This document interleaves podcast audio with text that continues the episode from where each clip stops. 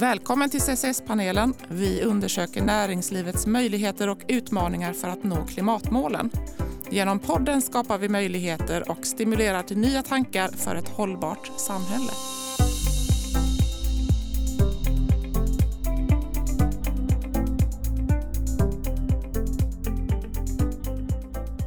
Välkommen till CCS-panelen. Vi undersöker näringslivets möjligheter att arbeta med klimatåtgärder. Jag som är programledare heter Sara Davidsson. Min gäst idag är Thomas Sörensson från Scandinavian Enviro Systems. Välkommen Thomas. Tack så mycket. Thomas, eh, du är vd för ett otroligt intressant bolag. Berätta. Ja, nej men vi har ju eh, under mer än 20 års tid utvecklat en teknologi som bygger på pyrolys där vi kan återvinna värdefulla material ut, eh, eh, uttjänta däck och kommer nu då kommersialisera den här teknologin eh, industriellt och eh, även ta den globalt fullt ut för att lösa dels eh, utmaningen med uttjänta däck och förse marknaden med återvunna råvaror. Ja, för det här är en banbrytande teknologi som både minskar avfall och klimatpåverkande utsläpp samtidigt. Kimrök är ett viktigt ord i sammanhanget. Vad handlar det om?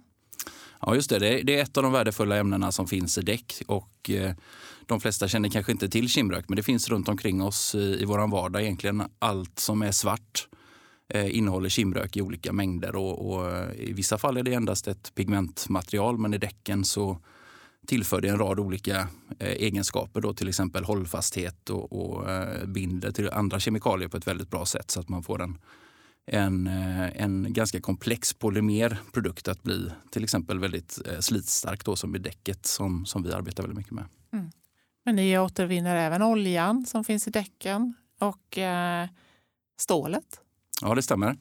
Eh, oljan som finns i däcket eh, avgasas i vår process och, och, och, kondenseras ner sen till oljefas. Och den oljan har, innehåller bland annat en väldigt stor andel eh, naturgummi då, från, från naturgummidelen i däcken. Och, eh, den har ju då en bio, ett bioinnehåll som är intressant för Nedströms kunder till exempel. Mm. Varför gör ni det här?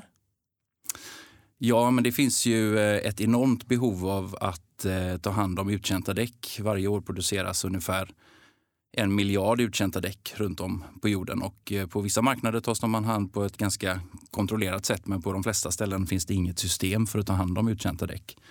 Så det är egentligen grundutmaningen som vi har tagit oss an här för 20 år sedan. Att, att hitta en mer cirkulär lösning för att ta hand om däcken.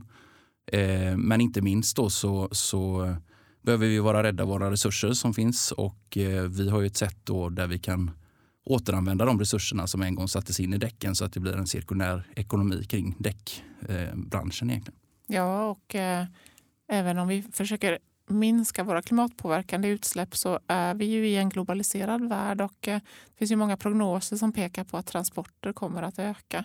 Och då finns det ju all anledning att titta på de här resurserna. Absolut, och transportbranschen eh, är ju väldigt fokuserad på att minska sina fossila avtryck i allt från produktion till livscykeln för ett fordon och där ingår ju däcken också. Då. Och eh, däckbranschen är väl en av de branscherna som nu verkligen börjar ta initiativ för att bli mer cirkulära och verkligen återanvända materialen i större utsträckning. Mm. Er nisch i detta är ju dels eh, återvinningen av de här materialen men det är ju också anläggningarna för att göra detta. Och eh, jag läste att eh, bara att hantera de ökade volymerna av uttjänta däck, alltså att eh, behovet av däck är jättestort redan idag som du säger och behovet av däck kommer att öka årligen enligt eh, däckproducenternas eh, egna prognoser. Och bara att hantera den ökningen är 20 av era anläggningar och att eh, om vi skulle räkna att 40 procent av ett däck är återvunnet material så är det 800 av era anläggningar då, globalt. Så det finns ju lite möjligheter här. Ja, det kan man lugnt säga. Och eh, det är klart, eh, det, det är ju alltid så när man ska sätta storlekar på sånt här så är det ju eh, vissa antaganden man behöver göra och som du nämner några siffror här som är intressanta för att ange storleksordningen. Och det, eh, det som man kan säga är väl att Eh, den här marknaden är inte bara stor, den är otroligt värdefull. Så kimröksmarknaden i sig eh, är värd ungefär 26 miljarder dollar. Och eh, däckbranschen då är ju den största konsumenten i den branschen eh, av kimrökskonsumtion. Och det handlar då om ungefär 75 procent av all kimrök som produceras som går till däckindustrin.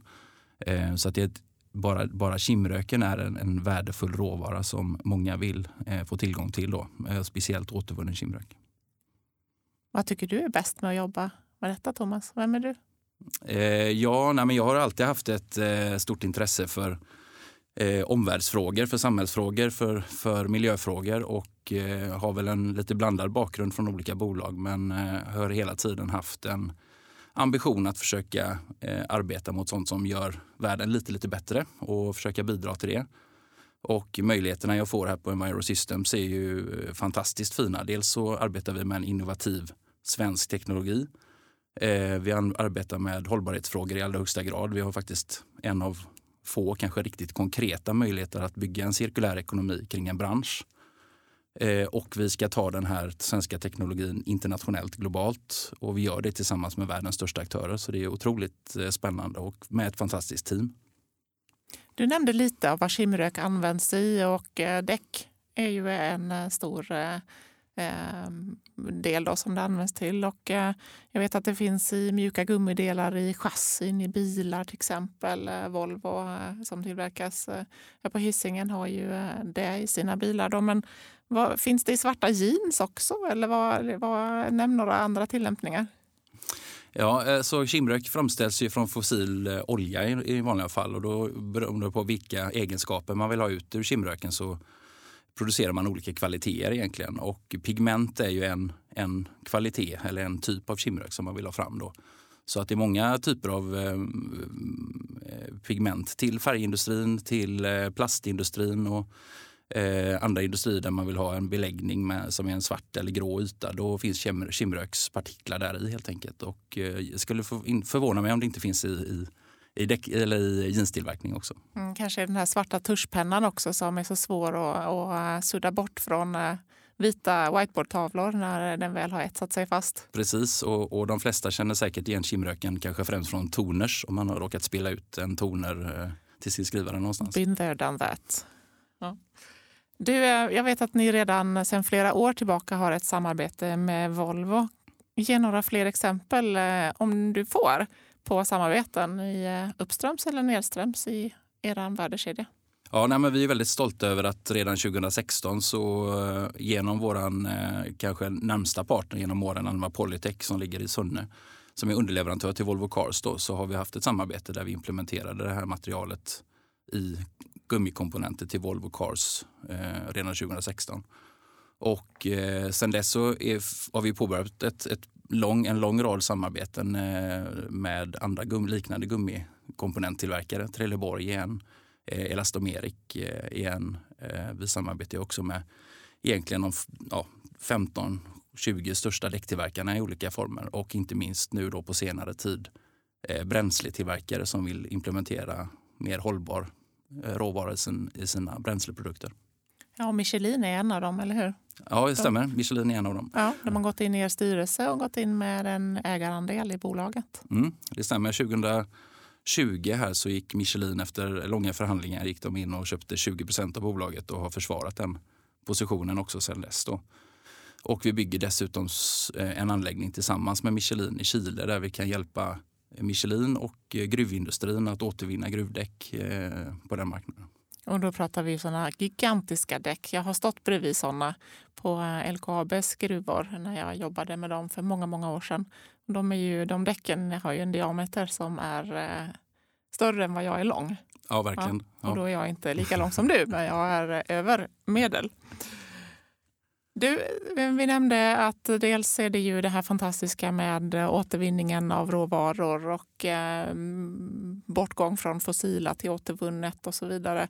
Men eh, en annan specialitet hos er, eller som är liksom unik i er affärsmodell, det är ju också produktionsanläggningen. Och den vill ni eh, tänka lite lego. Att man eh, liksom har eh, vissa delar i sin låda och så kan man frakta ut det konceptet och bygga likadant överallt. Först ut nu är en anläggning på gång i Uddevalla i västra Sverige. Vad kan du berätta om den anläggningen? Ja, nej, men det stämmer. Först och främst så vi har ju, vi har ju eh, konceptualiserat eh, teknologin för att vara modulbaserad och standardiserad så stor utsträckning som möjligt. Och det gör vi ju egentligen för att vi ska få en så effektiv eh, utrullning som möjligt av vår teknologi. Eh, så att vi inte fokuserar på att eh, bygga anläggningar projekt för projekt utan egentligen bygger upp en, en effektiv process för att kunna etablera många anläggningar eh, under relativt kort tid. Eh, och då är en av hemligheterna är ju förbereda, förbereda och modulbygga så mycket som möjligt och knyta leverantörer till oss som vill vara med på den resan och, och, agera på det sättet. Då. Så att det är en Eh, det är ett väldigt spännande sätt att arbeta på och eh, ett långsiktigt sätt att arbeta på. Och inte tänka projekt för projekt utan tänka mer systematiserat och processinriktat. Hur får du tålmodet att jobba så? Ja, man, är man i den här branschen så måste man vara tålmodig. Eh, men jag tror att vi har en, en gemensam vision i bolaget och, och alla medarbetare Eh, Eh, känner verkligen att vi är på rätt väg och att vi har någonting som, eh, som kommer att bli riktigt bra. Så att, eh, det är viktigt för oss att vi har någonting att hålla oss i och då, och då har vi en, en bra, ett bra framework att, att jobba mot här som alla köper in i. Mm. Du, um, apropå modularisering, det, är ju, det ger ju bland annat en väldigt effektiv utrullningsprocess som vi nämnde och vid etablering och man har gemensam dokumenthantering. Det ger ju väldigt fina möjligheter att ha ett standardiserat kostnadseffektivt underhåll. Arbetsmiljöfrågor, även det kan ju skilja sig regelmässigt vilka olika krav som ställs i olika länder. Men förutsättningarna för en god arbetsmiljö är väldigt goda när man tänker standardiserat. Produktionen givetvis, reservdels eh, eh, tillhandahållning. Men vad går inte att modularisera eller standardisera? Ja, vi vill ju dra det här så långt som möjligt såklart, men det finns ju alltid lokala regelavvikelser. Det kan vara standarder som skiljer mellan USA och Europa till exempel när det gäller el eller säkerhet som du var inne på.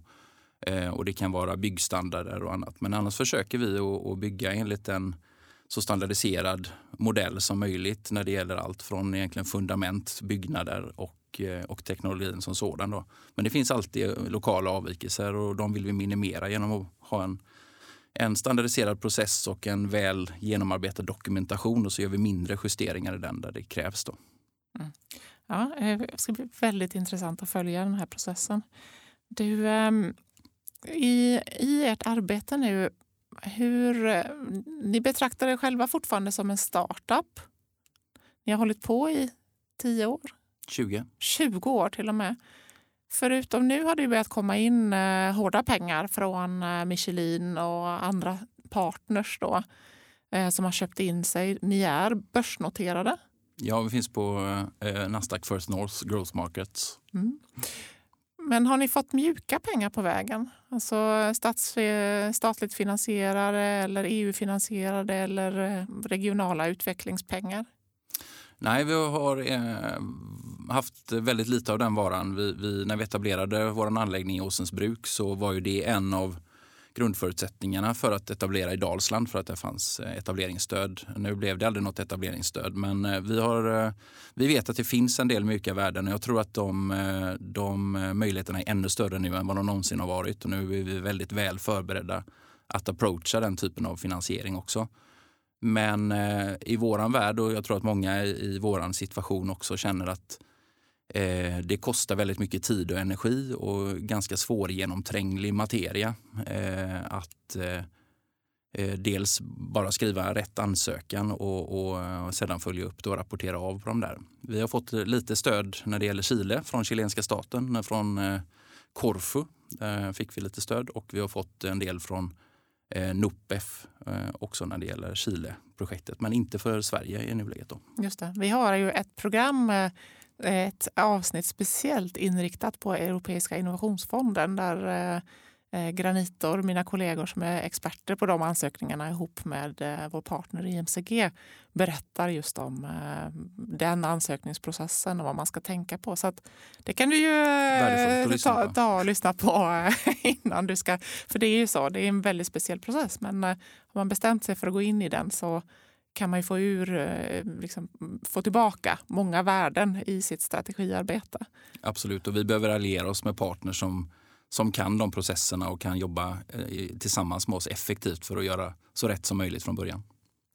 Du, eh, mer om den här anläggningen i Uddevalla. För att eh, när ni nu planerar för den anläggningen och också möjligheter att tänka modulärt och skalbart. Hur eh, kommer ni att använda matematiska modeller? Eh, digitala tvillingar är ju ett populärt ord. Är det någonting som är nycklar till i er utveckling?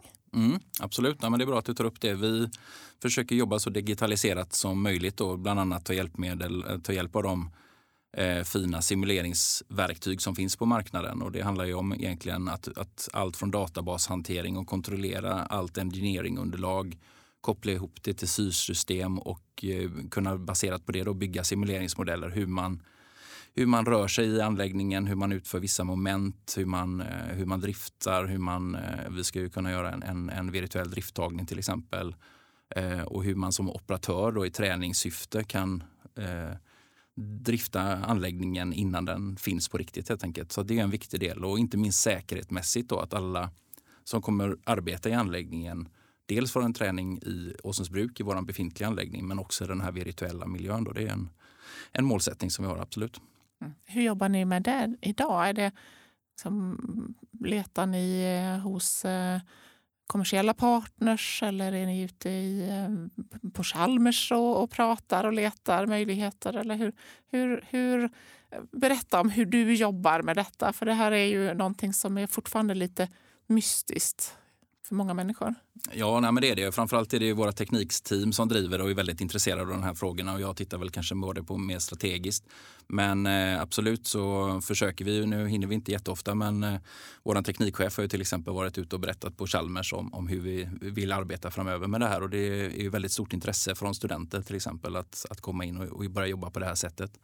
Men sen eh, allierar vi oss med experter inom de här olika områdena, bland annat eh, Eh, system eller, eller mjukvaruleverantörer men också eh, konsulter som är vana att jobba med att implementera den här typen av hjälpmedel. Mm. Ni kanske kan ha någon, någon sån här tävling, digital eh, tävling? Ja, varför inte? Ja. En bra idé. Ja, du har ju så lite annat att göra. tänker jag. Ja, men då, då kan man ju få många andra att inspirera oss. Ja. Det låter ju som en lysande idé. Var hämtar du din kraft ifrån, Thomas? Att hålla på med det här i 20 år?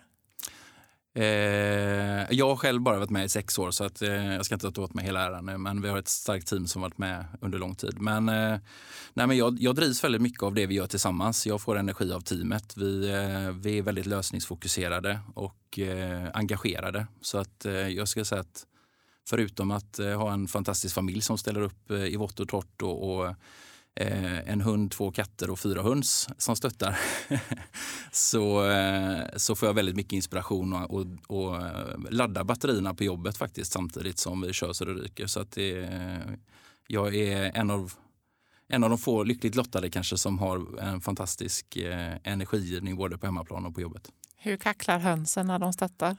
Ja, men de, eh, de har lite olika läten. Det är fyra stycken så de, vi försöker se dem som individer. det, är, det är tre höns och en tupp faktiskt just nu. Så att... Eh. Okej, jag får sån här Petson och Findus-vibbar. Ja, jo, men eh, jag har faktiskt cowboyhatt också så jag försöker ha den ibland. Det gillar inte min fru riktigt men jag tycker den passar bra på mig där ute. Ja, det är bra. Jag var i Texas en gång med min familj och köpte ett par orange cowboyboots i skinn. De gör inte kanske min närmsta omgivning imponerar.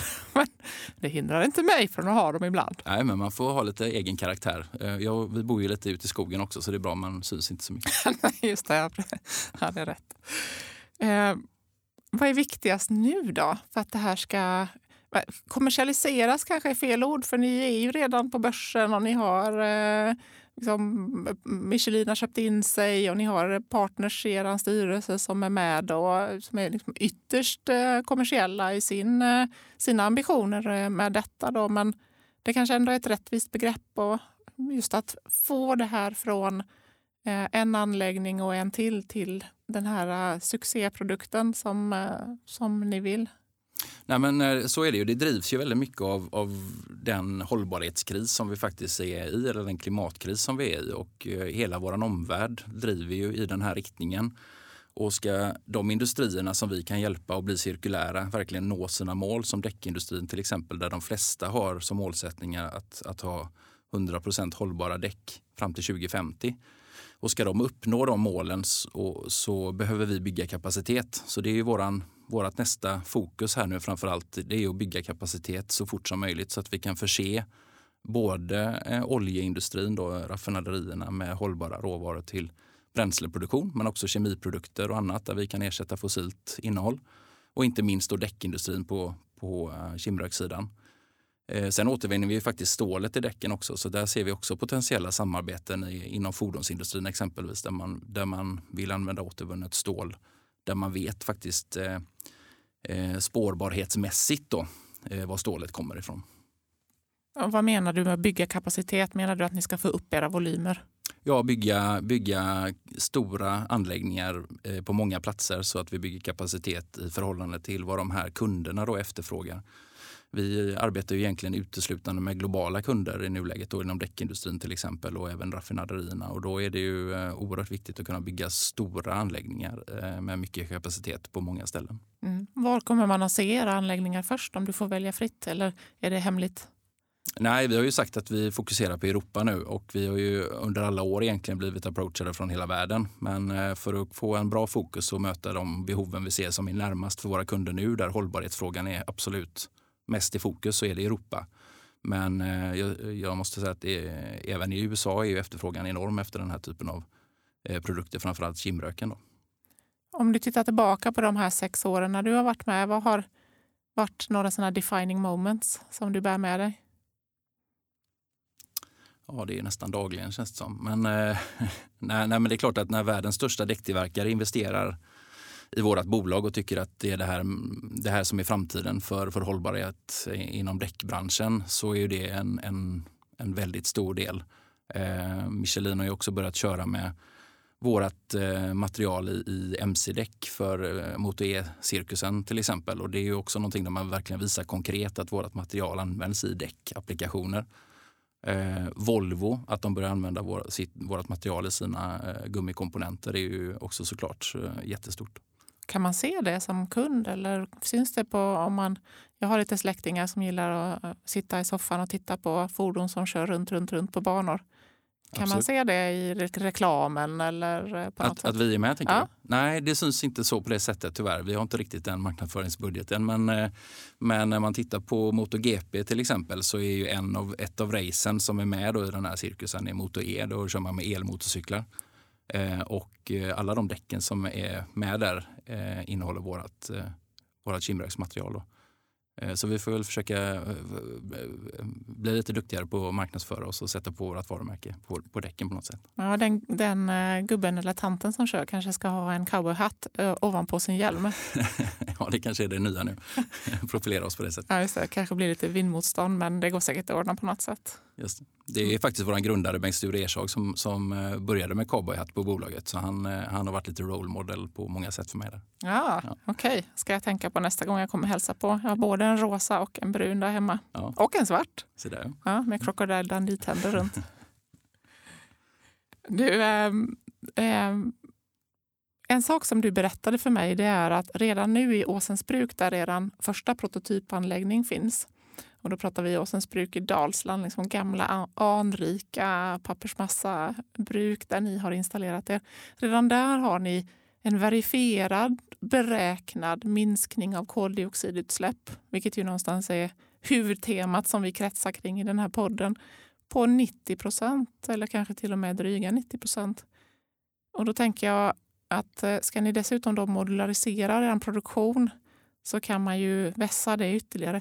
Hur är det möjligt, Thomas, att det blir så stor effekt?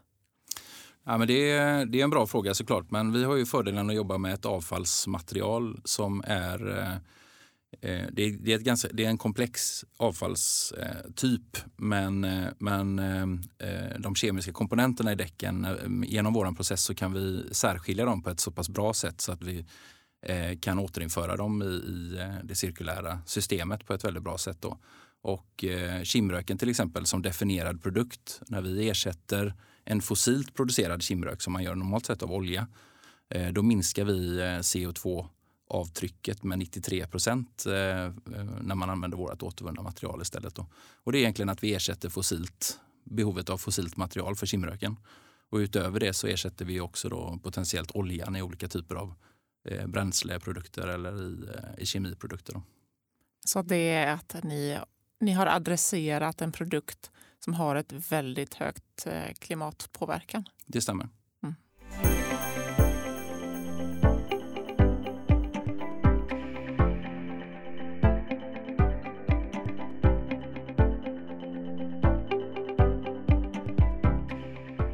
Thomas, vad vill du skicka med till de som lyssnar kring eh, det ni sysslar med och er produkt, förutom att eh, köpa aktier?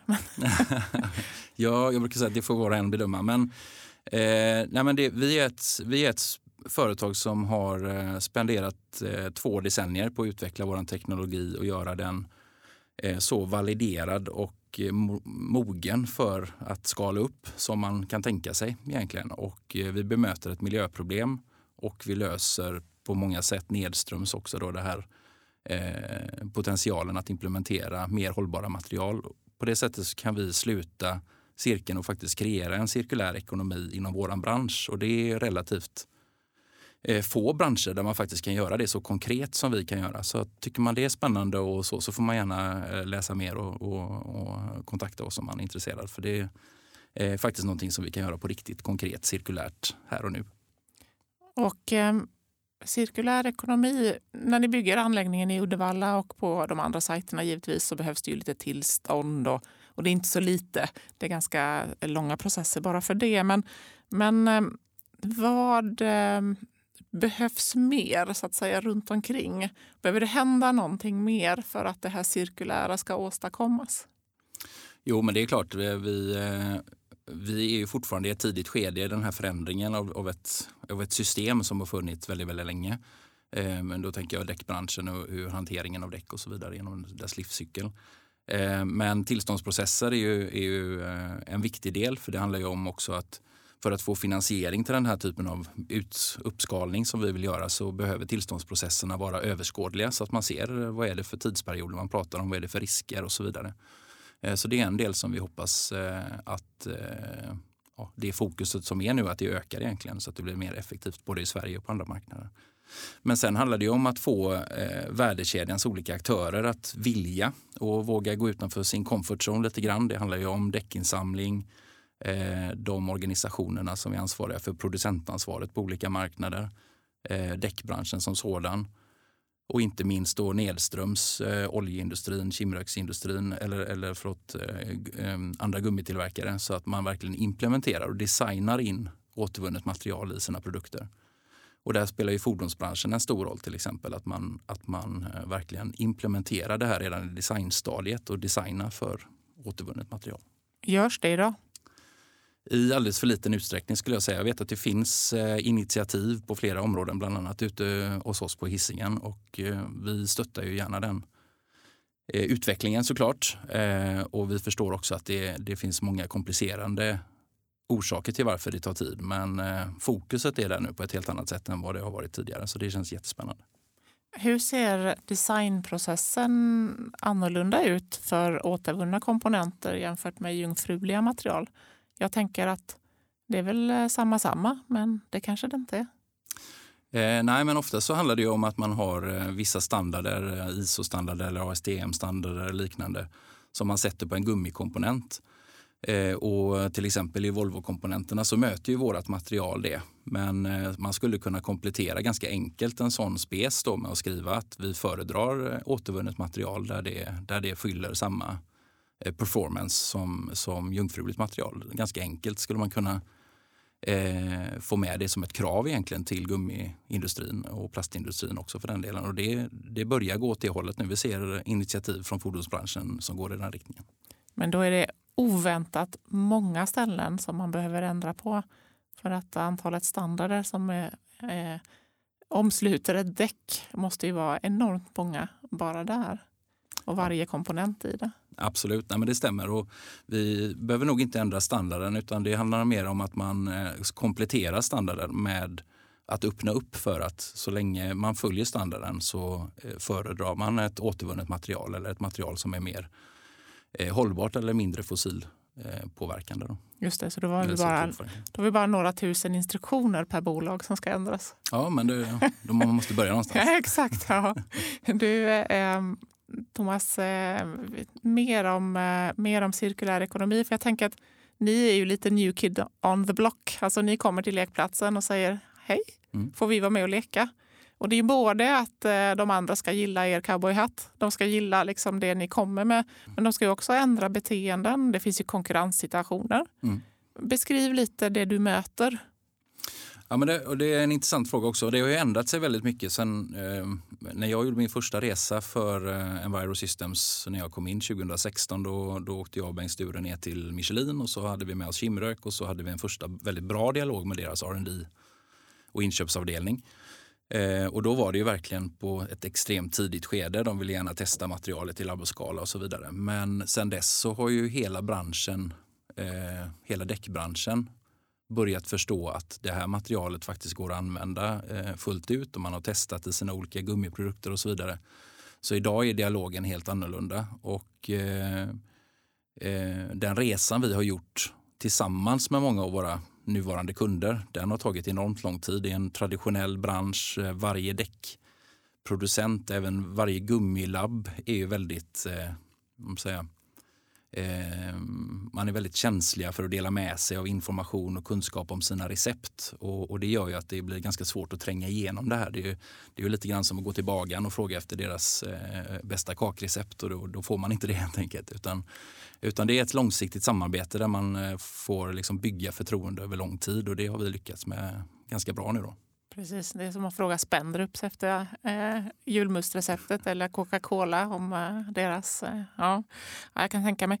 Men eh, möter du målkonflikter som du skulle vilja lyfta eller exemplifiera? Jo, men det finns det väl eh, på en rad områden egentligen. Eh, när man tänker på, på kimrökssidan så är det klart att vi, vi erbjuder ett hållbart material som ingen annan som producerar jungfruligt material idag kan erbjuda. Eh, Medan en del av dem nu är intresserade av att använda återvunnet material och blanda det med, med, eh, med jungfruligt material. Och det är någonting som vi i nuläget säger nej till utan vi tycker att eh, vårt material håller en kvalitet som gör att man helt kan ersätta det fossila i många applikationer och därför vill vi inte liksom, blanda ut det. Då. Så där är ju lite grann en, en målkonflikt för där vill ju kanske vissa av våra kunder smyga igång med ett blandmaterial istället. Varför säger ni nej till det? Nej, men vi, eh, vi är väldigt stolta över våra hållbara material där vi ser att vi kan erbjuda en fullt cirkulär lösning för, för simröken i väldigt många applikationer. Eh, så vi tycker det är, är, helt enkelt onödigt att blanda ut det med, med fossilt material och det, det, det tar liksom udden av det värdet vi kan leverera. Eh, och sen är det ju en konkurrenssituation också. Vi, vi har ju tänkt att ta marknadsandelar från fossila eh, jungfruliga eh, kimrökstillverkare helt enkelt. Och, eh, då eh, gör vi ett statement helt enkelt. Har ni haft påhälsning från dem och vad säger de i så fall? Jo, men eh, eh tidigare år så har det ju varit eh, ganska hög svansföring från alla de tillverkarna att återvunnet material kommer aldrig komma in i däckbranschen till exempel. Men nu ser vi ju väldigt tydligt att så inte är fallet. Så eh, nu börjar de ju också komma med intressen för att, som jag säger, då, blanda ut till exempel Eh, det som kan vara intressant dock i ett samarbete det är ju den oljan vi återvinner. Den kan också då potentiellt användas för att producera kimrök eh, från, och då använda pyrolysoljan som råvara. Eh, och då används ju oljan på ett mer cirkulärt sätt. Så det, den typen av samarbeten kan mycket väl vara intressanta. Och kanske för stålet? Absolut, ja. Mm. Men det, för att få till det här cirkulära så är det ju dels att eh, få acceptans för att eh, och, och visa, vilket ni är på god väg nu, att ja, men vårt material håller minst lika hög standard som det som man har använt i över hundra år. Sen handlar det om aktiva beslut hos de som fattar besluten om att välja en annan partner. Och där är ju enormt starka band som behöver ersättas och ifrågasättas. Det är så mycket lättare att göra som vi brukar göra när vi handlar mat, när vi klär på oss och så vidare. Och så vidare. Vad märker du? Eller kan, du, kan du märka någon egenskap eller någon, någon insikt hos dem som fattar de där besluten om att prova och eh, jobba mer. Mm. Ja, men det, det, är jättebra att du säger det, för det, det är också någonting som har ändrat sig de senaste två, tre åren och, och där det blir allt mer uppenbart att de stora bolagen, vi, alla de vi talar om här är ju, väldigt, det är ju globala bolag och de har en strategisk överlevnadsfråga att ställa sig egentligen. Och många av de här bolagen har tagit på högsta nivå beslutat och satt målsättningar som är väldigt höga när det gäller hållbarhetsfrågan. Och då är det det till slut som som sätter tryck på alla delar av organisationen. Så vi har väldigt stor hjälp av att hållbarhetsfrågan nu är top of mind på de flesta företag. Och det går ju så långt som till finansieringen. Att du får helt enkelt inte finansiering ens för de stora bolagen om du inte visar att du jobbar aktivt med hållbarhetsfrågorna. Eh, och det sipprar ner i alla organisationer till inköp, till R&D, till design och eh, det märker vi att det, det har gått mycket snabbare än vad jag trodde faktiskt. Även om det tog tid innan det började. Så du menar att det, är, det börjar med någon form av värdegrundsarbete som sedan faktiskt konkretiseras ut i direktiv, ut i inköp och ut i produktionsfolket? Mm, absolut, det börjar, det börjar där. Sen tror jag att många, många av de här initiativen och magkänslan finns nog inom hela organisationen. Eh, alltså de flesta är ju människor innerst inne och skulle gärna vilja göra dem och ta de här besluten. Men i stora organisationer så är det ofta en hierarki som, som bestämmer och då är det ju eh, oerhört viktigt att värderingsfrågan kommer uppifrån och ner på något sätt för att annars så eh, vågar ingen gå, ut sin, eh, gå ur sin comfort zone. Apropå comfort zone, det krävs ju mod också att göra det här, att göra annorlunda. Hur kittlar du dem? Vad har du några sådana eh, street tips att dela med dig till eh, andra startups eller andra beslutsfattare, både internt och externt tänker jag. Ehm, vad, vad är ditt bästa knep, förutom cowboyhatten? Nej, men jag tror att mycket handlar väl om att eh, tro på det man gör och eh, ha med sig ett team så att man bygger självförtroende för det man gör och att man, att man inte, mm, att man inte Eh, ryggar för de här stora företagen som faktiskt måste ändra sig utan att visa att vi har någonting att erbjuda som, som ni inte kan få tag på något annat sätt och vara lite stolt över det och våga som i de fallen vi är inne i, förhandlingar så eh, är det viktigt att vi förstår vårt värde och eh, det tar tid ibland men eh, de stora bolagen uppskattar på ett sätt också att vi inte Eh, utan att vi står på oss, att vi visar att vi är professionella i det vi gör och, och, och, och, vågar lyfta fram de fördelarna som vi faktiskt kan leverera. Och Du sa ju någonting där att vi är ju trots allt alla människor.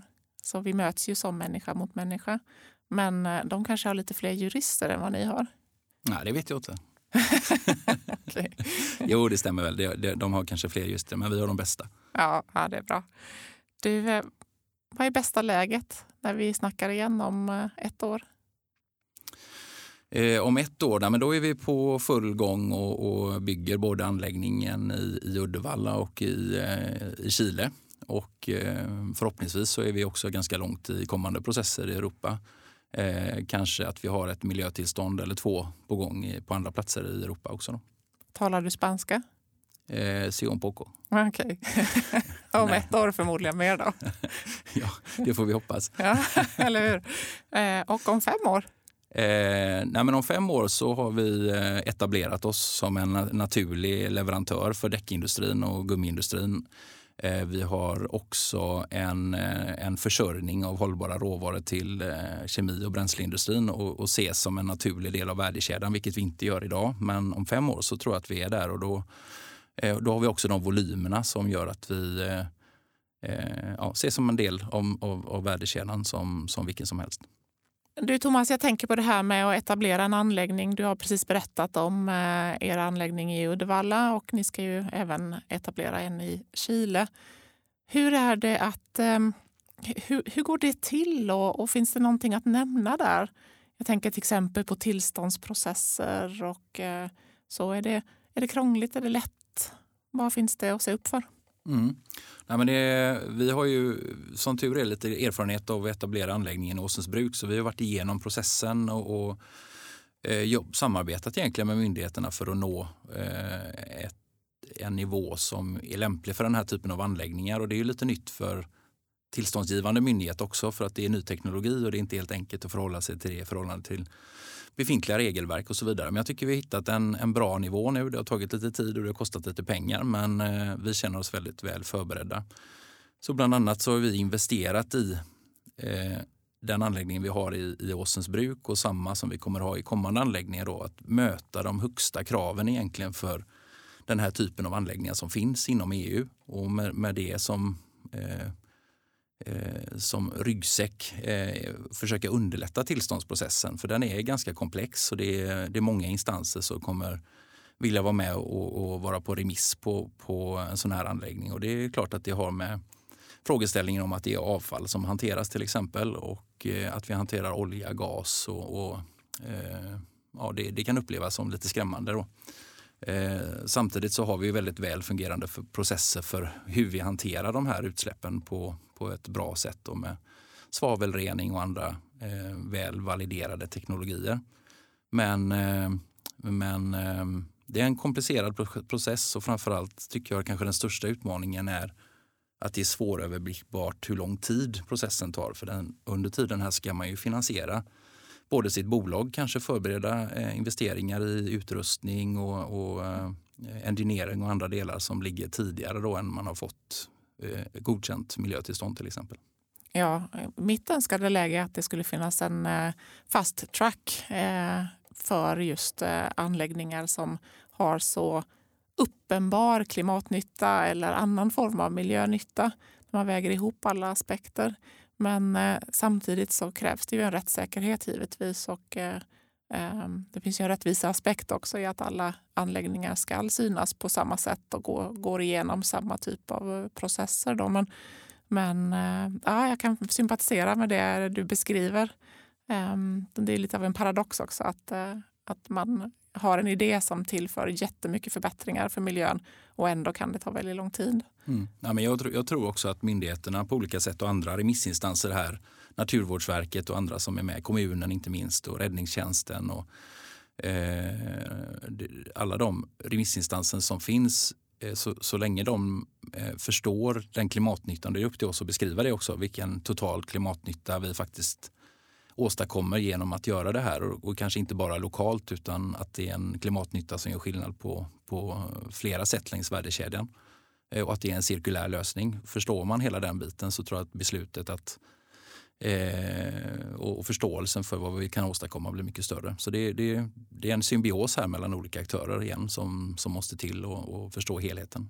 Ja, det är väldigt väl investerad tid också tror jag. Min erfarenhet från att ha jobbat länge med miljöbalken är att ju mer du kan utbilda dina intressenter på olika sätt genom studiebesök, ta emot, eh, svara på frågor både på hemsidor, beskriva i broschyrer men också i ditt konkreta underlag i din tillståndsansökan så kan du eh, möta både de formella kraven och myndighetens frågor men också eh, allmänhetens frågor. Och det har du med dig också, kan paketera till eh, de olika anläggningarna ni ska bygga. Ja, men det är en jättebra poäng och det är faktiskt så vi har försökt jobba, att vi bygger det vi gör, det konceptet vi tar fram kring anläggningarna helt hur de är uppbyggda tekniskt, hur de drivs och hur, de, hur vi tar hand om, om eh, av utsläppen. Att det är så att det möter de högsta kraven för att det ska vara benchmark för alla kommande anläggningar egentligen. Och det är extra viktigt att kunna göra det i Sverige där vi har erkänt god kontroll på miljökraven. Du, ehm, du känner till lite om granitor. Vi har ju både en, eh, en eh, tjänstesida där vi kan vara med och bygga den typen av anläggningar som du beskriver. Allt från design till eh, överlämning och eh, verksamhetsutveckling och underhåll och så vidare. Men vi har ju också en investeringssida där vi investerar i andras smarta idéer, startups. Vi har ett program bland annat där vi eh, har bjudit in Core Power och, eh, som ju sändes eh, eh i hösten 2021. Eh, och vi har också en fastighetsutvecklingssida. Vad, vad tycker du att ett, eh, en bolagsgrupp som Granitor ska göra kring eh, klimat och eh, hållbarhetsarbete? Ja, men det, det vi har stött på av Granitor så här långt visar ju att ni har en bredd som jag tror är väldigt viktig för den här typen av bolag som vi är, där vi behöver komplettera med olika former av kompetenser eller kunskaper kring hur man gör saker som blir en bra input till oss. Så, så vara med och supporta i tidigt skede och våga vara det, det är viktigt. Eh, sen handlar det ju om att, som, som ni också gör, satsa på att förstå vart, vart är omvärlden på väg och vad kan vi erbjuda eh, om ett år och om fem år. Vad, vad, vad är behovet om, av, hos den här typen av bolag och även stora bolag men, men även, även startups som vi är eller, eller liknande nyare teknologier. Då. Eh, att verkligen våga vara med på resan. För det tror jag är oerhört viktigt att man visar att, eh, att man gör inte en en affär för ett konsultuppdrag eller man gör en, en, eh, en enskild affär utan att man ser det som ett partnerskap över tid. Det tror jag att eh, både ni och, och era partnerbolag då tjänar på över tid och inte minst Sverige. Ja, så lite uthållighet då? Uthållighet eh, och långsiktighet i, i, att inte kanske bli, att inte maximera första mm. kronan utan, utan se hur man kan bygga värde tillsammans. Ja, det är inne på något väldigt viktigt. Det är ju eh, den typen av partnerskap och samarbeten som eh, behövs för att eh, åstadkomma förändring. Är det några pusselbitar eller någonting som du skulle vilja se mer av i Sverige? Någon potential kring att exportera klimatarbete eller hållbarhet generellt som du vill slå ett slag för? Ja, nej, men jag tycker att det finns eh, kanske lite för lite fokus på EU-nivå. Vi, vi möter ju en hel del bolag i vår situation som jobbar med liknande teknologier eller angrisande teknologier som eh, på olika sätt har en helt annan eh Eh, fokus eller ambition på, eh, EU-nivå e och det gör att vi ibland kanske halkar efter. Vi skulle behöva koordinera oss lite mer i Sverige tror jag och, hjälpas åt. Eh, som du var inne på här tidigare, ni har en en enhet som är duktiga på det.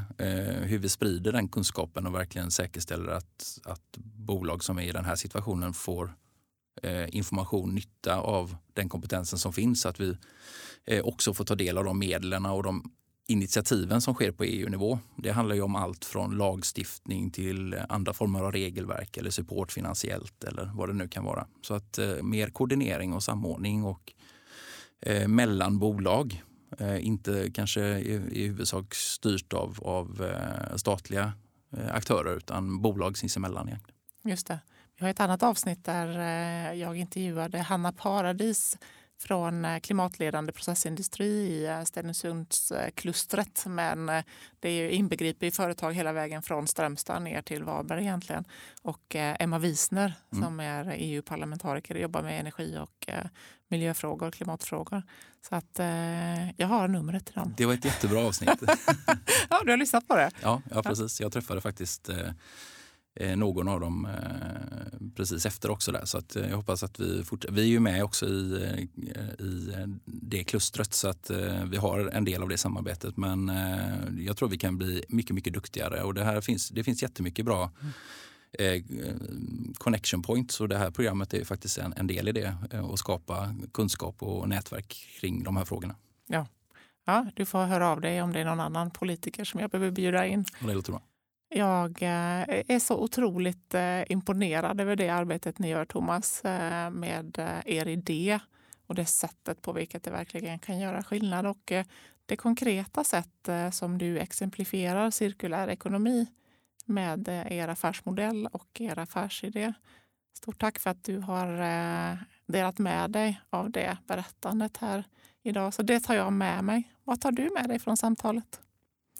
Eh, nej men jag tycker det är jättekul att få prata om de här frågorna. Det är så sällan man hinner göra det, men det här är någonting jag verkligen brinner för och det är sällan man hinner reflektera. Och lite av det vi har hunnit prata om idag, det är, det är just den här runt omkring frågor som man inte hinner reflektera för över i vardagen. Så jag uppskattar jättemycket samtalet och hoppas fortsätta dialogen i någon form framöver också.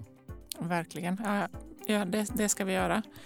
Och eh, stort tack också till eh, dig som har lyssnat. Stort tack till eh, Komma och Munk Studios som hjälper oss att få ihop de här programmen. Tycker du om det du lyssnar på, ge oss gärna feedback. Ge oss eh, mesta möjliga poäng av eh, mesta möjliga. Fem stjärnor av fem när du ratear och gärna släng med en liten kommentar om vad det är ni vill höra mer av eller vad det är som vi gör bra. Hör av dig till mig på LinkedIn eller på annat sätt om du vill ge oss feedback eller komma med lite längre insikter och eh, förslag på kommande program. Tack för idag Thomas. Tack så mycket. Hej då!